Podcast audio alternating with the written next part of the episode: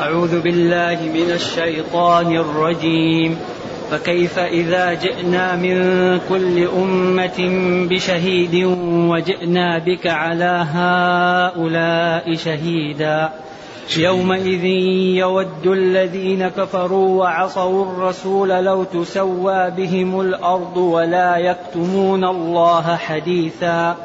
يا أيها الذين آمنوا لا تقربوا الصلاة وأنتم سكارى حتى تعلموا ما تقولون ولا جنبا إلا عابري سبيل حتى تغتسلوا وإن كنتم مرضى أو على سفر أو جاء أحد منكم من الغائط من الغائط أو لامستم النساء فلم تجدوا ماء فتيمموا فتيمموا صعيدا طيبا فامسحوا بوجوهكم وأيديكم إن الله كان عفوا غفورا. الحمد لله الحمد لله الذي أنزل إلينا أشمل الكتاب وأرسل إلينا أفضل الرسل. وجعلنا خير أمة أخرجت للناس. فله الحمد وله الشكر على هذه النعم العظيمة والآلاء الجسيمة. والصلاة والسلام على خير خلق الله وعلى آله وأصحابه ومن اهتدى بهداه. لما بين الله تعالى جمال هذا الدين في أمره بالإحسان إلى من تخالطه من شرائح المجتمع بعد الإخلاص لله تعالى في العبادة أشار إلى بعض الذين انحرفوا ممن يعملون لا لله وإنما يعملون ليقال. لذلك هذا دين دين جاء لزرع معاني فاضلة في النفوس. اعبدوا الله. ولا تشركوا به شيئا. وبالوالدين إحسانا. وبذي القربى واليتامى والمساكين. والجار ذي القربى والجار الجنب والصاحب بالجنب وابن السبيل. وما ملكت أيمانكم. كل الشرائح التي تتعامل معها أحسن إليها. بعد إخلاص العبادة لله حتى تكون الأعمال تأخذ أجرها كاملا لأنك إذا أخلصت العبادة لله أعمالك الصالحة تكون لك. بعدين كل الشرائح اللي تتعامل معها تحسن إليها. بعدين بين في نهاية المقطع الذين يبخلون ويأمرون الناس بالبخل. الآية اللي في نهاية المقطع ما هي؟ إن الله لا يحب من كان مختالا فخورا. لأن هذه الشرائح الضعيفة دائما المختال الفخور لا يعتني بها لا يهتم بها. بعدين الذين يبخلون ويأمرون الناس بالبخل ويفعلون ويفعلون ثم بين لهم فتح لهم المجال. وماذا عليهم لو آمنوا بالله واليوم الآخر؟ بعدين بين عدل الله إن الله لا يظلم مثقال ذرة وإن تك حسنة أو حسنة يضاعفها ويعطي من لدنه أجرا عظيما. ثم أشار إلى شيء خطير ومزعج وينبغي أن تعد له العدة قبل مجيئه. فكيف؟ إذا جئنا من كل أمة بشهيد وجئنا بك على هؤلاء شهيدا.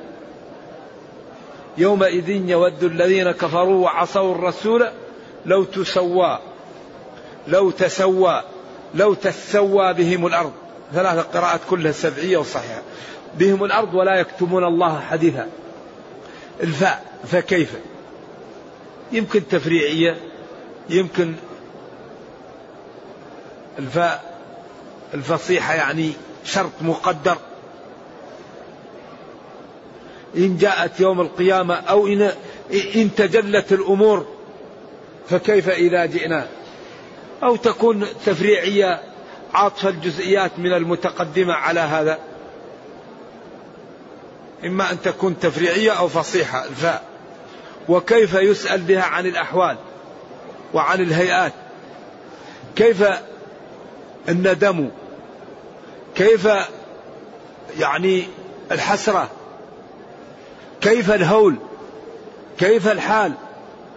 إذا جئنا من كل أمة بشهيد. إذا أتينا من كل أمة برسولها يشهد عليها بما عملت. وأتينا بك يا محمد عليك وعلى جميع أنبياء الله الصلاة والسلام على هؤلاء. هؤلاء قال بعض العلماء أغلب ما تطلق في القرآن على الكفار. هؤلاء. حاجتم فيما لكم به علم فلم تحاجون؟ أيوة. استعرضوا هؤلاء في القرآن. تجد أغلب ما تأتي تعامل مع من؟ مع الكفار. وقد تأتي لغيرهم. لكن هذا أغلب الاستعمال. ورد عن ابن مسعود رضي الله عنه أنه قال له النبي صلى الله عليه وسلم اقرأ علي القرآن اقرأ علي سورة النساء. قال له كيف أقرأ عليك وعليك أنزل؟ قال أريد أن أسمعه من غيري. فقرأ عليه ابن مسعود حتى وصل إلى هذه الآية. فقال حسبك الآن فنظر إليه فإذا عيناه تذرفان صلوات الله وسلامه عليه. فكيف؟ الهول. فكيف الفزع؟ فكيف الحال؟ إذا جئنا من كل أمة بشهيد. كل أمة يأتي رسولها يشهد عليها. وكل واحد يستلم, الكتاب. جئتم في مكان كذا في محل كذا وكفروا. وجئنا بك يا محمد عليك الصلاة والسلام على هؤلاء جميعا شهيدا. طبعا هذا الهول وهذا الموقف حري بأن يبكى عنده. أولا يبكي لما أعطاها الله من المكانة. يبكي لأن أمته كثير منها اهتدى. يبكي لما يرى من بعض أمته الذين أعوذ بالله حبطت أعمالهم وخسروا لأنهم ما مشوا على الطريقة المرسومة لهم وخسروا خسارة هائلة. فالموقف حري بالبكاء الحقيقة.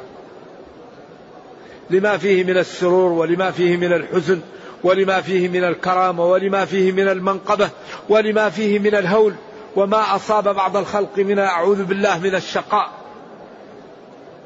فهو إذا نظر إلى ما أعطاه الله يبكي من الفرح وإذا نظر إلى ما أصاب بعض أمته يبكي من الحزن والألم.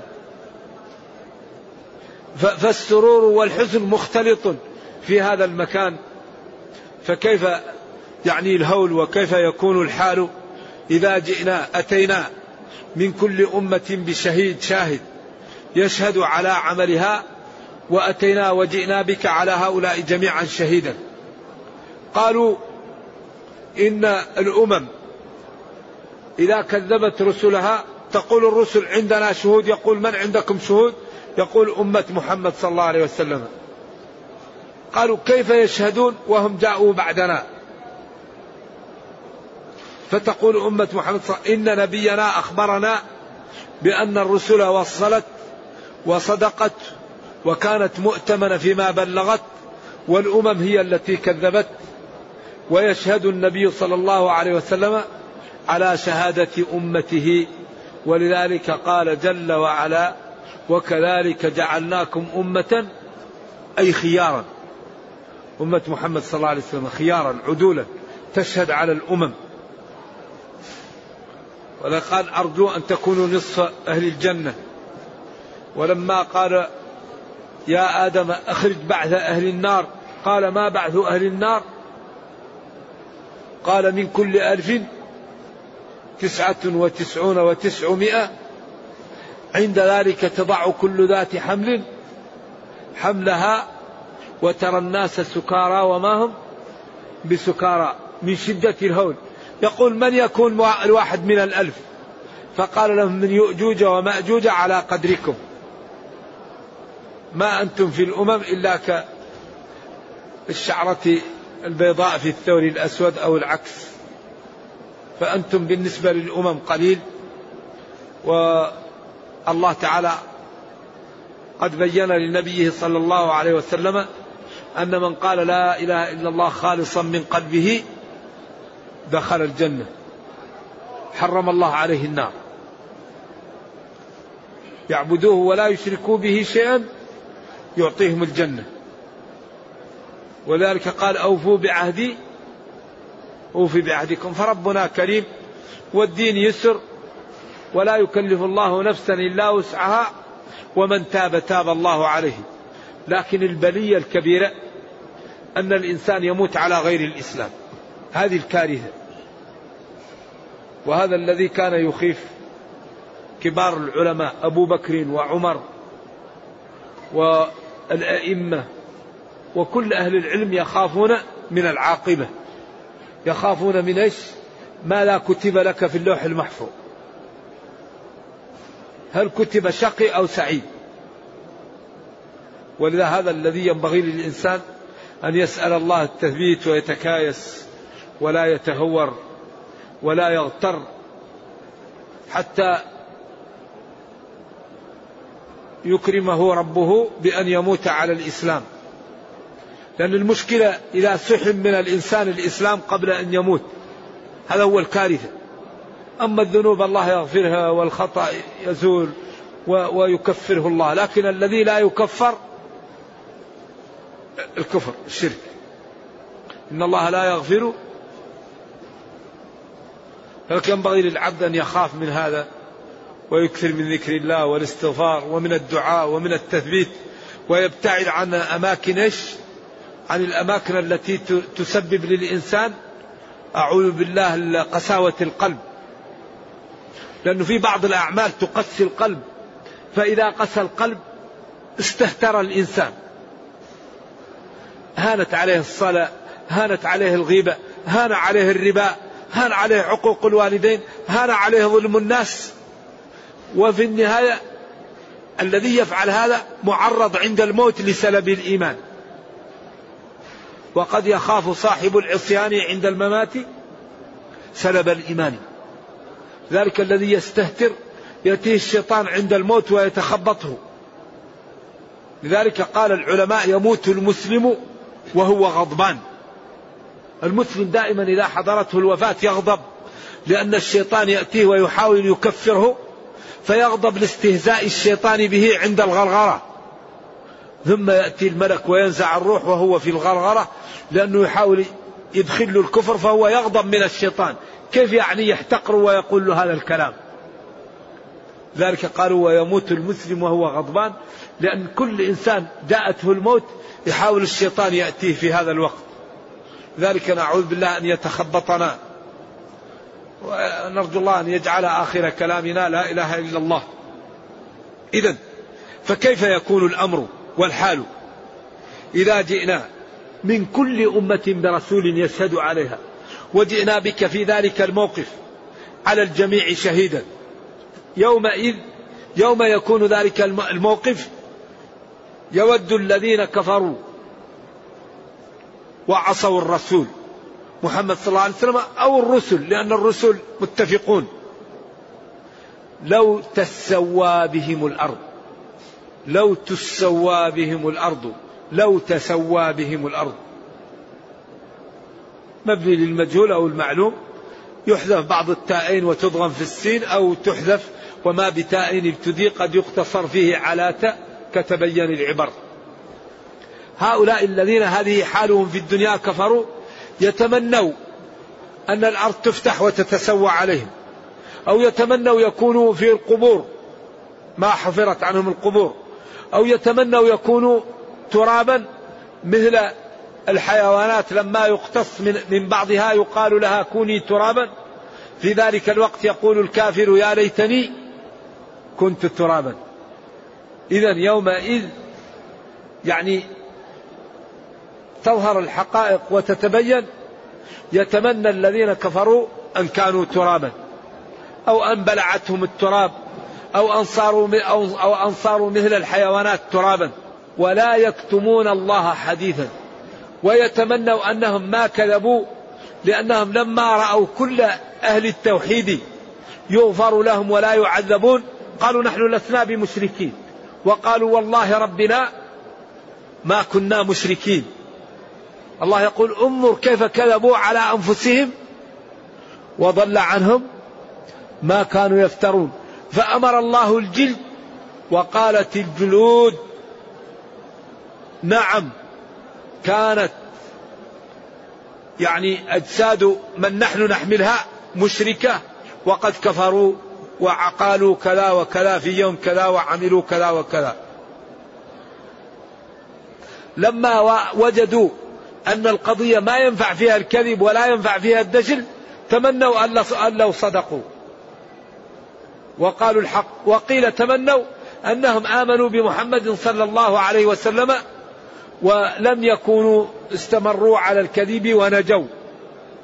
وهذا القرآن وهذا الإخبار هو ليعطينا الحيطة لأننا والحمد لله لا زلنا الآن في الدنيا. فالواحد يتوب الواحد يستقيم الواحد ينتبه للواجب ينتبه من الحرام. أما هؤلاء عياذا بالله خلاص. الرمية إذا انتهت من اليد لا يمكن لإنسان أن يردها. ولذلك قال العلماء أن الإنسان إذا تاب بعد أن تعاطى السبب فقد أتى بما عليه وجبا إنسان كان مبتدعا وضلل ناس ثم بعد ذلك تاب لا يكلف لأن هؤلاء تفرقوا. إنسان رمى رمية وبعد أن رماها تاب ما يمكن أن يرد الرمية. ولذلك من تاب بعد أن تعاطى السبب فقد أتى بما عليه وجب. لا يكلف الله نفسا إلا وسعها. لكن ينبغي لمن أضل الناس أن يجتهد في هدايتهم وأن يجتهد في ومن ينبغي أن كان مجتهدا في الانحراف. ينبغي إذا تاب واستقام أن يجتهد فيش في الطاعة. ولذلك الناس معادن خيارهم في الجاهلية في الإسلام إذا فقهوا عمر كان شديد في الجاهلية. ضرب أخته ودماها. ولكن لما دخل في الإسلام من يوم ما دخل في الإسلام والإسلام يعلو. ولذلك سمي الفاروق. قال نحن على حق فأذن. فجاءت قريش وضربته وضربها وأذن وضربهم. ولما أراد أن يهاجر مشى علنا. قال أنا ذاهب للمدينة. من أراد أن تشكله أمه فليتبعني وراء الواد. قالوا إنه عمر. كان بايعها لدينه. خلاص. الحق حق. قال نحن على الحق هم على الباطل. لماذا؟ الميدان. رضي الله عنه. ولذلك كان عمر عجيب. لما وجد نسوة من قريش عند النبي صلى الله عليه وسلم فلما دخل خفضنا أصواتهن وابتدرن بالحجاب فضحك النبي صلى الله عليه وسلم. فقالوا ما يضحكك يا رسول الله؟ ضحك الله سنة. قال هؤلاء كنا يرفعن أصواتهن عندي فلما جئت سكتنا. قال يا عدوات أنفسكن ما لكن تهبنني ولا تهبن رسول الله. قالوا أنت شديد ورسول الله صلى الله عليه وسلم رحيم. قال إيه يا ابن الخطاب ما رأك الشيطان سالك جفج إلا سلك فج آخر. الشيطان يخاف منه. لأنه داعية والداعية لا يقاومه إلا الداعية. لذلك الدعاة الصادقون إذا رآهم الشيطان يهرب. الشيطان لا يقاومه مثل الدعاة الذين يصدقون ويعملون ويكون عندهم العلم والفهم والكياس. هذا الذي يسحق الشيطان ويسحق الشياطين لأن الشيطان له أتباع كثير. إذا وجئنا بك على هؤلاء شهيدا. يومئذ يأتي يوم القيامة يود الذين كفروا يتمنوا الذين كفروا وعصوا الرسول لو تسوى بهم الأرض ولا يكتمون الله حديثا. فهؤلاء الذين قالوا هذا قالوا لجلودهم لم شهدتم علينا؟ قالوا أنطقنا الله. الجلد ينطق. ما عنده لسان. الله قادر. ولذلك أمره إذا أراد شيئا لذلك من هذه صفته ينبغي أن يطاع فلا يعصى وأن يذكر فلا ينسى وأن يشكر فلا يكفر. من هذه صفاته من الجنون أن يحرف الإنسان عن أوامره من الجنون أن يقدم الإنسان على نواهيه. لذلك ثقوا تماما أن العبد إذا استقام الله يسعده في الدنيا ويرحمه في الأخرى. لأن الله كريم ولا يضيع أجر من أحسن عملا. إذا ولا يكتمون الله حديثا. كل ما عندهم الله يأمر الجلد بينطق به.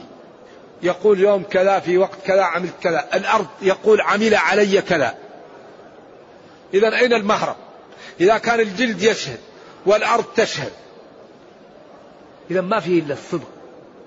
هذه القيامة وهذه الآخرة علاجها الاستقامة. لا علاج للموت وما بعدها إلا الاستقامة. استقم إيش؟ كما أمرت. فمن يعتصم بالله فقد هدي. آخر طه الآية اللي فيها تمسك بالعروة آخر طه في آخر طه إيش هي؟ فقد استمسك بالعروة الوثقى انفصام لها. المهم هذا الكتاب من تمسك به وعمل به يدخله إلى الجنة. لأنه العروة إيش؟ الوثقى متين حبل الله المتين. فالذي يتمسك به يدخله الجنة. قال ولا تتبعوا السبل إيش؟ تفرق بكم. وأن هذا صراطي مستقيما فاتبعوه. إذا الذي ينجي الصدق إنسان يصدق يصدق مع نفسه يصدق مع ربه يصدق مع أولاده يصدق مع والديه يصدق مع جيرانه يصدق مع أصدقائه يصدق مع المسلمين. ولذلك الذي يصدق يكون محترما يكون محبوبا يكون مهابا. يكون معزوزا. والذي لا يصدق حياته كلها مشكلة. ولذلك من أكبر أسباب الضعف أن لا يرضى الإنسان عن نفسه. الإنسان إذا كان يغش يكون محطم أحاسيسه. إنتاج ناقص فهم ناقص رجولة ناقصة مروءة ناقصة فهو نفسه ما تعبان. لكن الإنسان إذا كان صادق تكون رجولة تامة مروءة تامة فيعيش قليل العين يعيش عزيزا. لذلك إن الصدق يهدي إلى البر. ولا يزال الرسول يصدق ويتحرى الصدق حتى يكتب عند الله الصديق. إذا علاج الآخرة الاستقامة. إنسان يصلي لله يصوم لله. إذا صلى يعرف ما لا يبطل الصلاة. فيتجنب ما هو الواجب في الصلاة يفعله؟ الصوم الطهارة التعامل. فإذا ضبط التعامل وجعله مبني على العلم أصبح كل عمل يأخذ فيه مئة في المئة. وهذا يحتاج منا إلى ماذا إلى ماذا إلى العلم. العلم لابد من العلم. العلم يحتاج إليش إلى الوقت. ما يمكن واحد يتعلم ما ما أعطينا وقت للعلم. الوقت مهم. تعطي وقت تقرأ. تعرف الواجب. تعرف الحرام.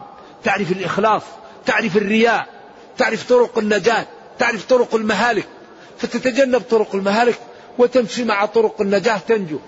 أما إذا كان الإنسان لا يهمه ينام ويستيقظ ويأكل ويمشي وبعدين كل يأذن المؤذن يروح يصلي. طيب لما لا نصلي؟ لأن الله أمرنا بالصلاة. اركعوا مع الراكعين. لما لا نتوضأ؟ لأن الله قال اغسلوا وجوهكم وأيديكم إلى المرافق. فالعبادة إذا لم يتحضرها الإنسان ويعرفها ويعرف مواصفاتها لا يأخذ فيها الدرجة الكاملة. لذلك أهم شيء للعبادة العلم. العلم هو اللي يرزقك الإخلاص.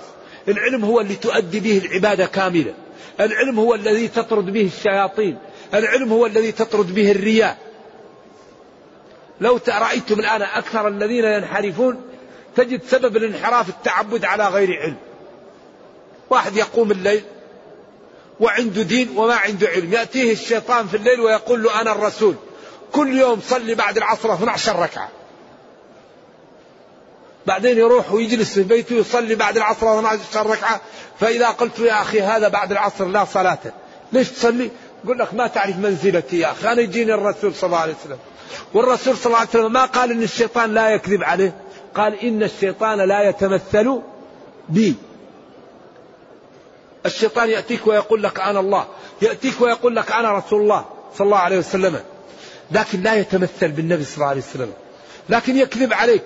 يأتيك ويأتيك بالمال ويقول لك أفعل كذا وأفعل كذا. كثير من الناس يكون على طيب وعلى دين لكن ما عنده علم فما عنده من الحصانة ما يمنع الشياطين. ولذلك الشيطان جاء لقريش وقال لهم سلوا محمدا عن الشاة تصبح ميتة من الذي قتلها؟ قال لهم الله قتله قال لهم ما ذبحه الله؟ تقولون حرام. وما ذبحتموه؟ تقولون حلال. أنتم أحسن من الله؟ فأنزل الله ولا تأكلوا مما لم يذكر اسم الله عليه. وإن زعموا أن هذا بيحة الله. وإن الشياطين ليوحون إلى أوليائهم ليجادلكم بقولهم ما ذبحتموه حلال وما ذبحه الله حرام. وإن أطعتموهم في فلسفتهم الشيطانية إنكم لمشركون. وقال شياطين الإنس والجن إيش؟ يوحي بعضهم إلى بعض. وقال وإخوانهم يمدونهم في الغي ثم لا يقصرون. إنسان ماشي في رمل أو في طعوف وبعدين تغيث السيارة في الأرض فيقول يا فلان يأتي الشيطان ويطلع له السيارة يأتي الشياطين ويطلعوا السيارة. يقول والله الولي جاء وطلع لي السيارة. هذا يسمى ماذا؟ هذا يسمى الاستدراج. إذا رأيت رجلا يطير وفوق ماء البحر قد يسير ولم يقف عند حدود الشرع فإنه مستدرج وبدعي لذلك الذي يحمي العلم. العلم يحمي. تقول الله يلعنك. أنت لست الرسول صلى الله عليه وسلم أنت الشيطان وأعوذ بالله منك. يأتي للإنسان يكون عابد يقول له ما شاء الله أنت الناس تذكرك بالعبادة. فيروح يدخل له الرياء يحبط عمله. واحد يكون متصدق ما عنده علم. ما شاء الله الناس تذكرك بالصدقة. ويوديه في داهية.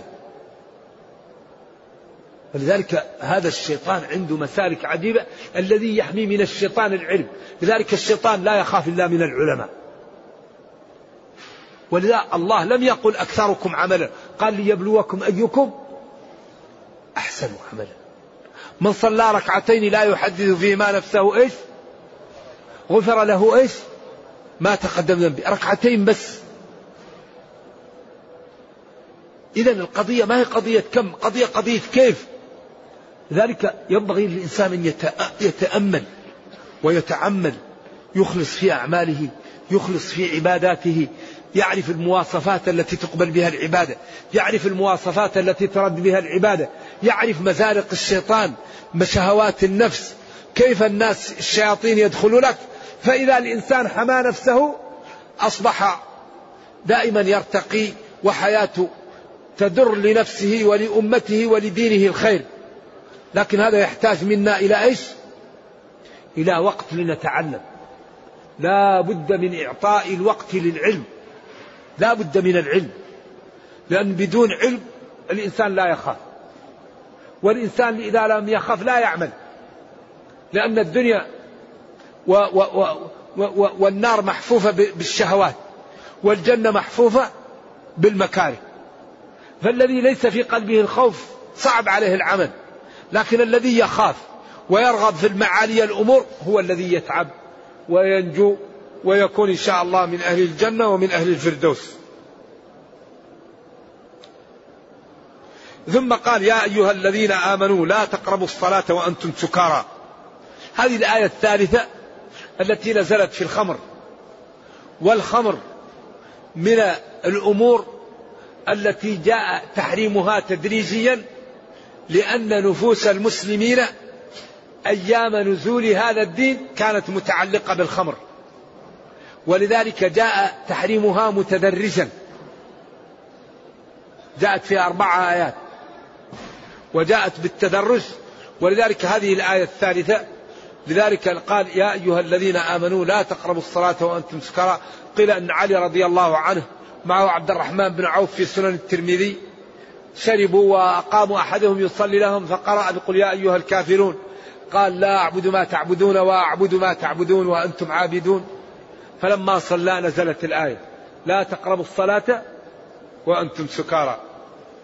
هي الآية الثالثة. إذا أصبح لا يشرب الخمر إلا بعد صلاة العشاء أو بعد صلاة الفجر. أما في غير الوقتين إذا شربه ربما لم يفكه آثار الخمر وهو نهى عن الصلاة في حال إيش؟ اتصافه بالسكر على أصح الأقاويل. الآية الأولى آية النحل. ومن ثمرات النخيل والأعناب تتخذون منه سكرا إيش؟ ورزقا حسنا. إذا هذه إشارة خفية مقابل الرزق الحسن السكر. إذا السكر ليس رزقا حسنا. لكن هذه هذه إشارة خفية. الآية الأخرى قل فيهما إثم كبير ومنافع للناس وإثمهما أكبر من نفعهما. إذا ولذلك قال عمر اللهم بين لنا في الخمر. اللهم بين لنا في الخمر.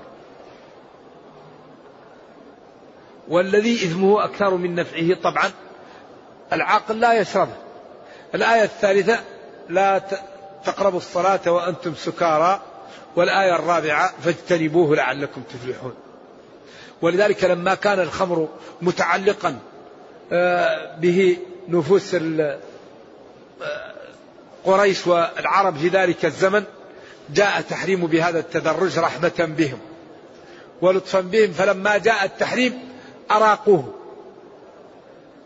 وهذا أكبر دليل على أن الأموال التي تكون من الحرام أنها لا ينتفع بها أكبر دليل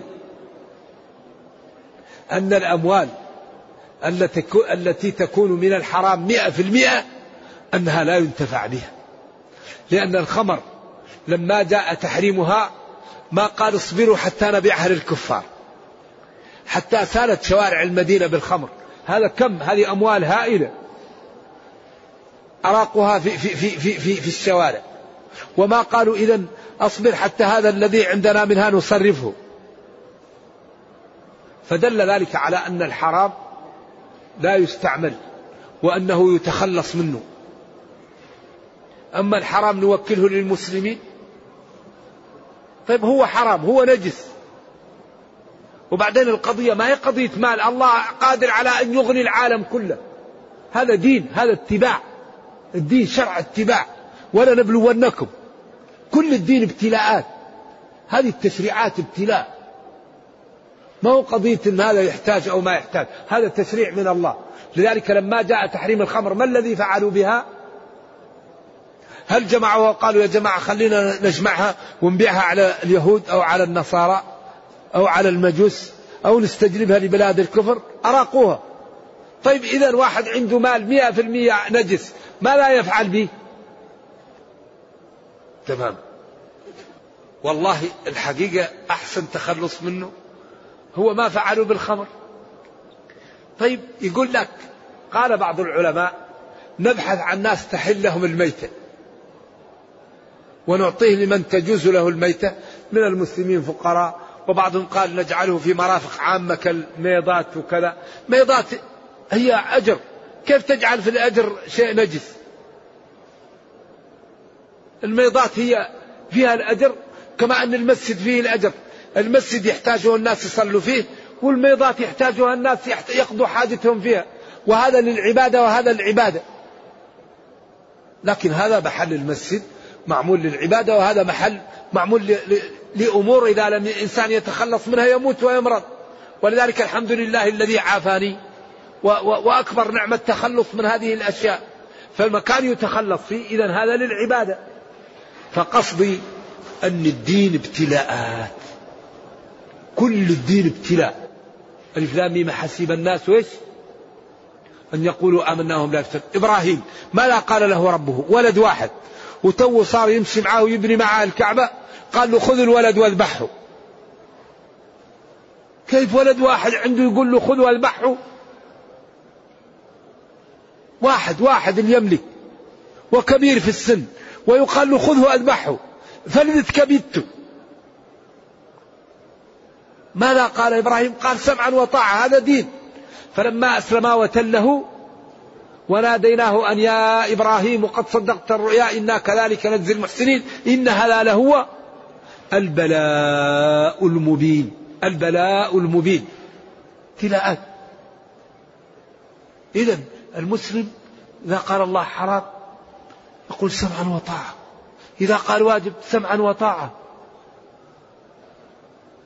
ولذا أما قال يحاول أنه يتأول للحرام مشكلة. الله قادر والله كريم والذي يطيع الله لن يضيعه. لذلك لما لما سلم الأمر لله الله فداه قال وفديناه بذبح عظيم. وقال إن هذا لهو البلاء المبين. وقال وإبراهيم الذي وفى. كل ما أمر بشيء عمله. كل ما أمر بشيء عمله. وابراهيم الذي وفى. لذلك الحقيقة أخطر شيء المعاصي. أخطر شيء الانحراف. لأن المعصية تقسي القلب. فإذا قسى القلب هانت على الإنسان المعاصي وشوية شوية يروح في داهية. نرجو الله السلام والعافية. الطاعة تنور القلب. الطاعة تطرد الشيطان. الطاعة تغني. الطاعة تسعد. الذي يطيع الله لن يضيعه. هو كريم قادر. وعبد أطاعه ما لا يفعل به. لذلك المتقين ليس للسلطان للشيطان عليهم سبيل. إن عبادي ليس لك عليهم سلطان. إنما سلطانه على الذين يتولونه. ولا ينصرن الله من ينصره. الذي يكون عبد لله ويمشي مع أوامر الله ويجتنب نواهي الله الله يعطيه ما يريد. فإن أراد مالا أغناه وإن أراد أولادا أعطاه وإن أراد عزة أعطاه وإن أراد رفعة رفعه وإن عاداه شخص دمره ربه. من عادى لي وليا؟ لكن هذا لا يمكن يكون إلا بالمكابدة. لا يمكن تأتي ولاية الله إلا بالمكابدة. والذين جاهدوا والذين جاهدوا فينا. ما يمكن تأتي الولاية إلا بالمكابدة. مكابدة السمع مكابدة البصر مكابدة اللسان مكابدة الجوارح مكابدة البطن. إذا يقول جل وعلا يا أيها الذين آمنوا لا تقربوا الصلاة وأنتم سكارى. لا تقربوا الصلاة في حال سكركم والحال أنكم سكارى. قيل أنتم الأيام لكن هذا ضعيف وما يدل عليه شيء الطبري قال هذا القول ساقط. حتى تعلموا ما تقولون. أي حتى تفهموا ويكون لكم يعني الإدراك التام لأن الإنسان إذا شرب الخمر نرجو الله السلامة والعافية يبقى عنده جزء من العقل لكن يضيع بعض العقل. فلا يستطيع أن يقيم الحروف ولا يستطيع أن يركع كما ينبغي ويأتي بالأركان. فيبتعد عن الصلاة حتى يزول عنه آثار هذه المادة الخبيثة التي هي أم الخبائث. وكل مشكلة سببها الخمر. ولذلك يعني إذا الإنسان فقد عقله أصبح مثل البهيمة. كل الأمور يعملها. الرجل الذي قال أسهل شيء الخمر فلما شرب الخمر قتل نفسه ووقع في الفاحشة ووقع في كل شيء. نرجو الله السلام والعافية. ولا جنبا إلا عابري سبيل. هنا هذه فيها قولان. ولا جنوبا. الجنب هو البعيد أو الابتعاد. ومقصود بالجنب هو الإنسان التي أصابته جنابة وللجنابة أسباب معروفة.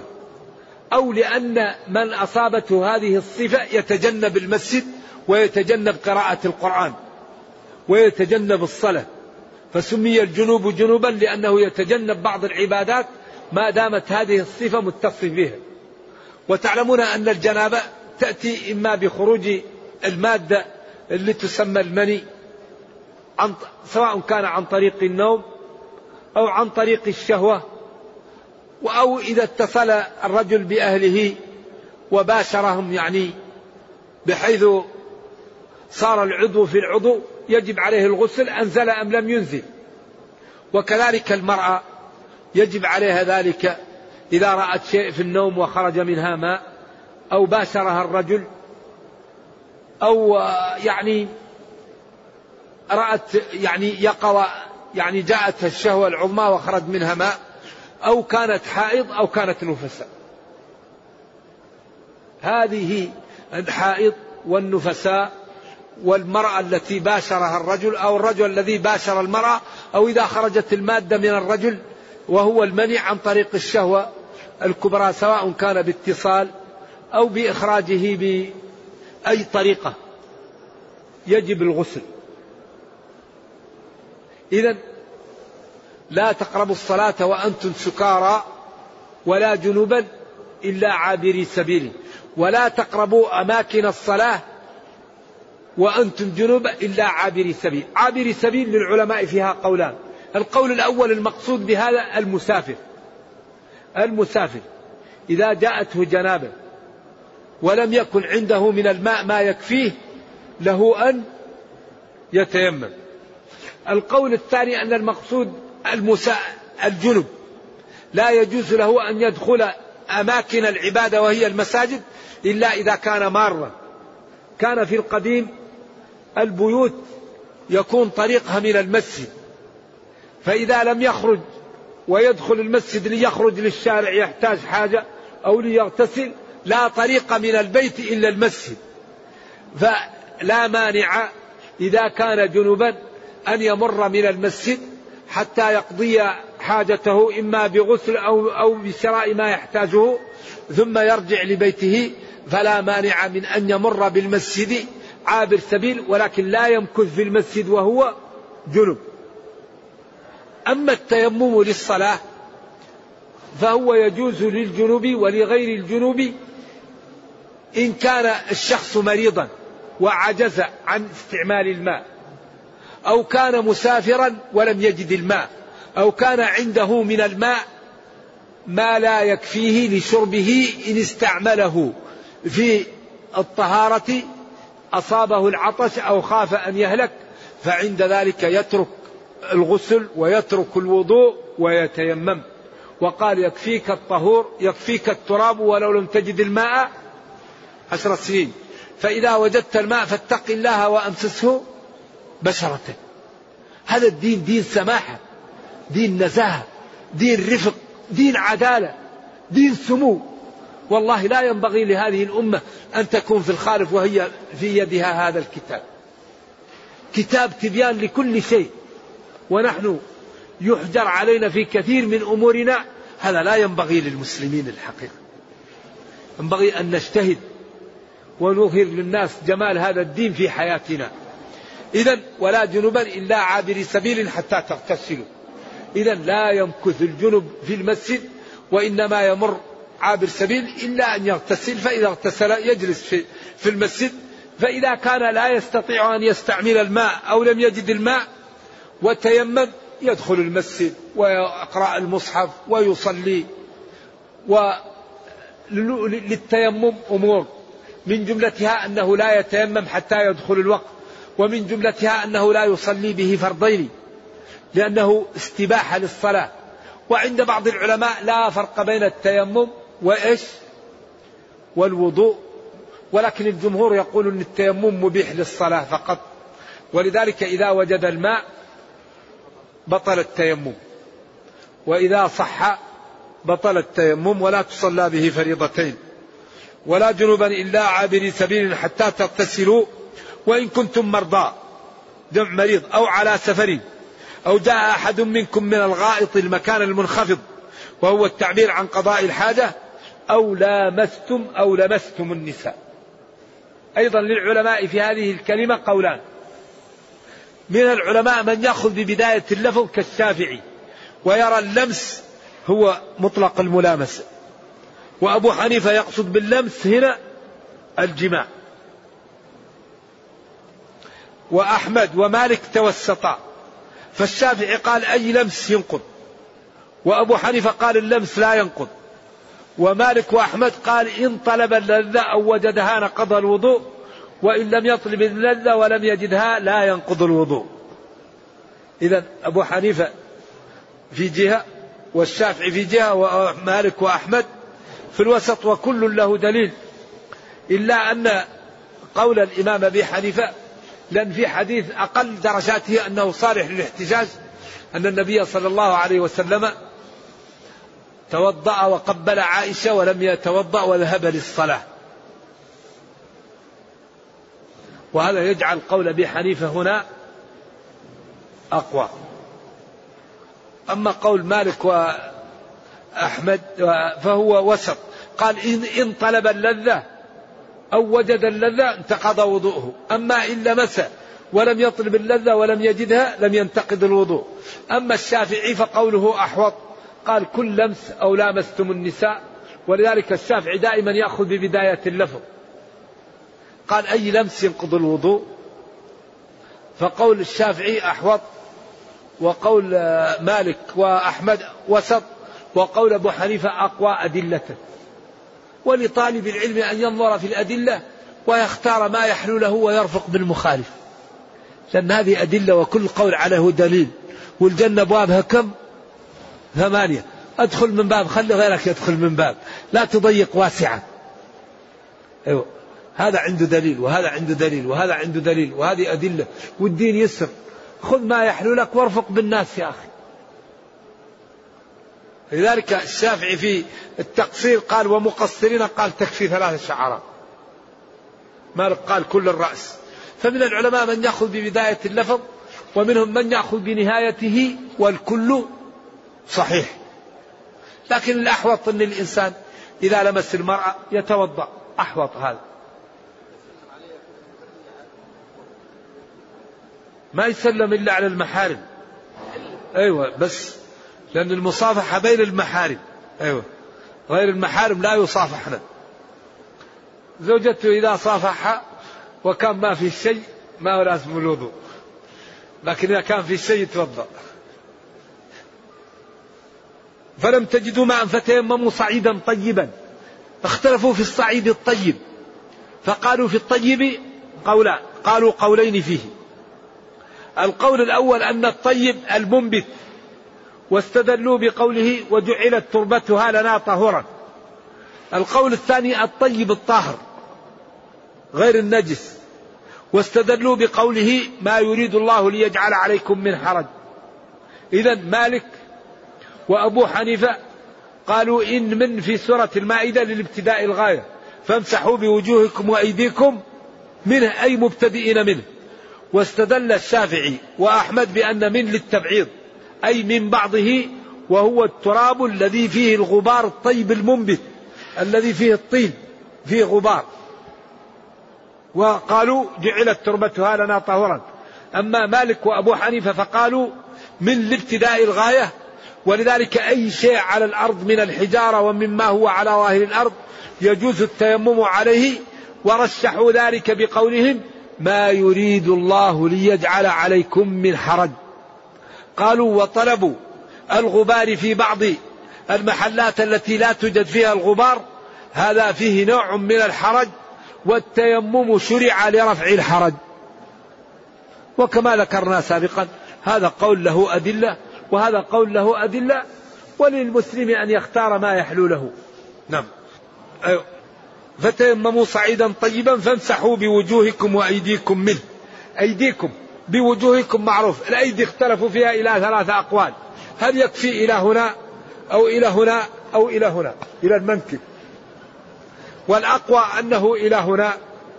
ولو وصل إلى المرفق لا يضر. أما هذا الصحيح أنه لا يلزم. وهذا أيضا لا يلزم.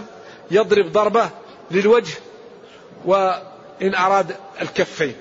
يضرب وينفخ يديه ووجهه وكفيه. فإن أراد أن يضرب ضربة أخرى ليديه إلى المرفقين له ذلك ولا يلزم عند الجمهور. نعم.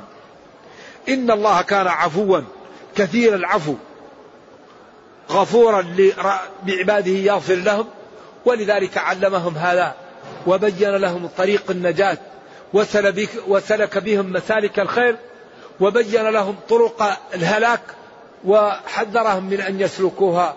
نرجو الله جل وعلا أن يرينا الحق حقا ويرزقنا اتباعه وأن يرينا الباطل باطلا ويرزقنا اجتنابه وأن لا يجعل الأمر ملتبسا علينا فنضل. اللهم أصلح لنا ديننا الذي هو عصمة أمرنا وأصلح لنا دنيانا التي فيها معاشنا وأصلح لنا آخرتنا التي إليها معادنا. واجعل الحياة زيادة لنا في كل خير والموت راحة لنا من كل شر. ربنا أتنا في الدنيا حسنة وفي الآخرة حسنة وقنا عذاب النار. سبحان ربك رب العزة عما يصفون وسلام على المرسلين والحمد لله رب العالمين.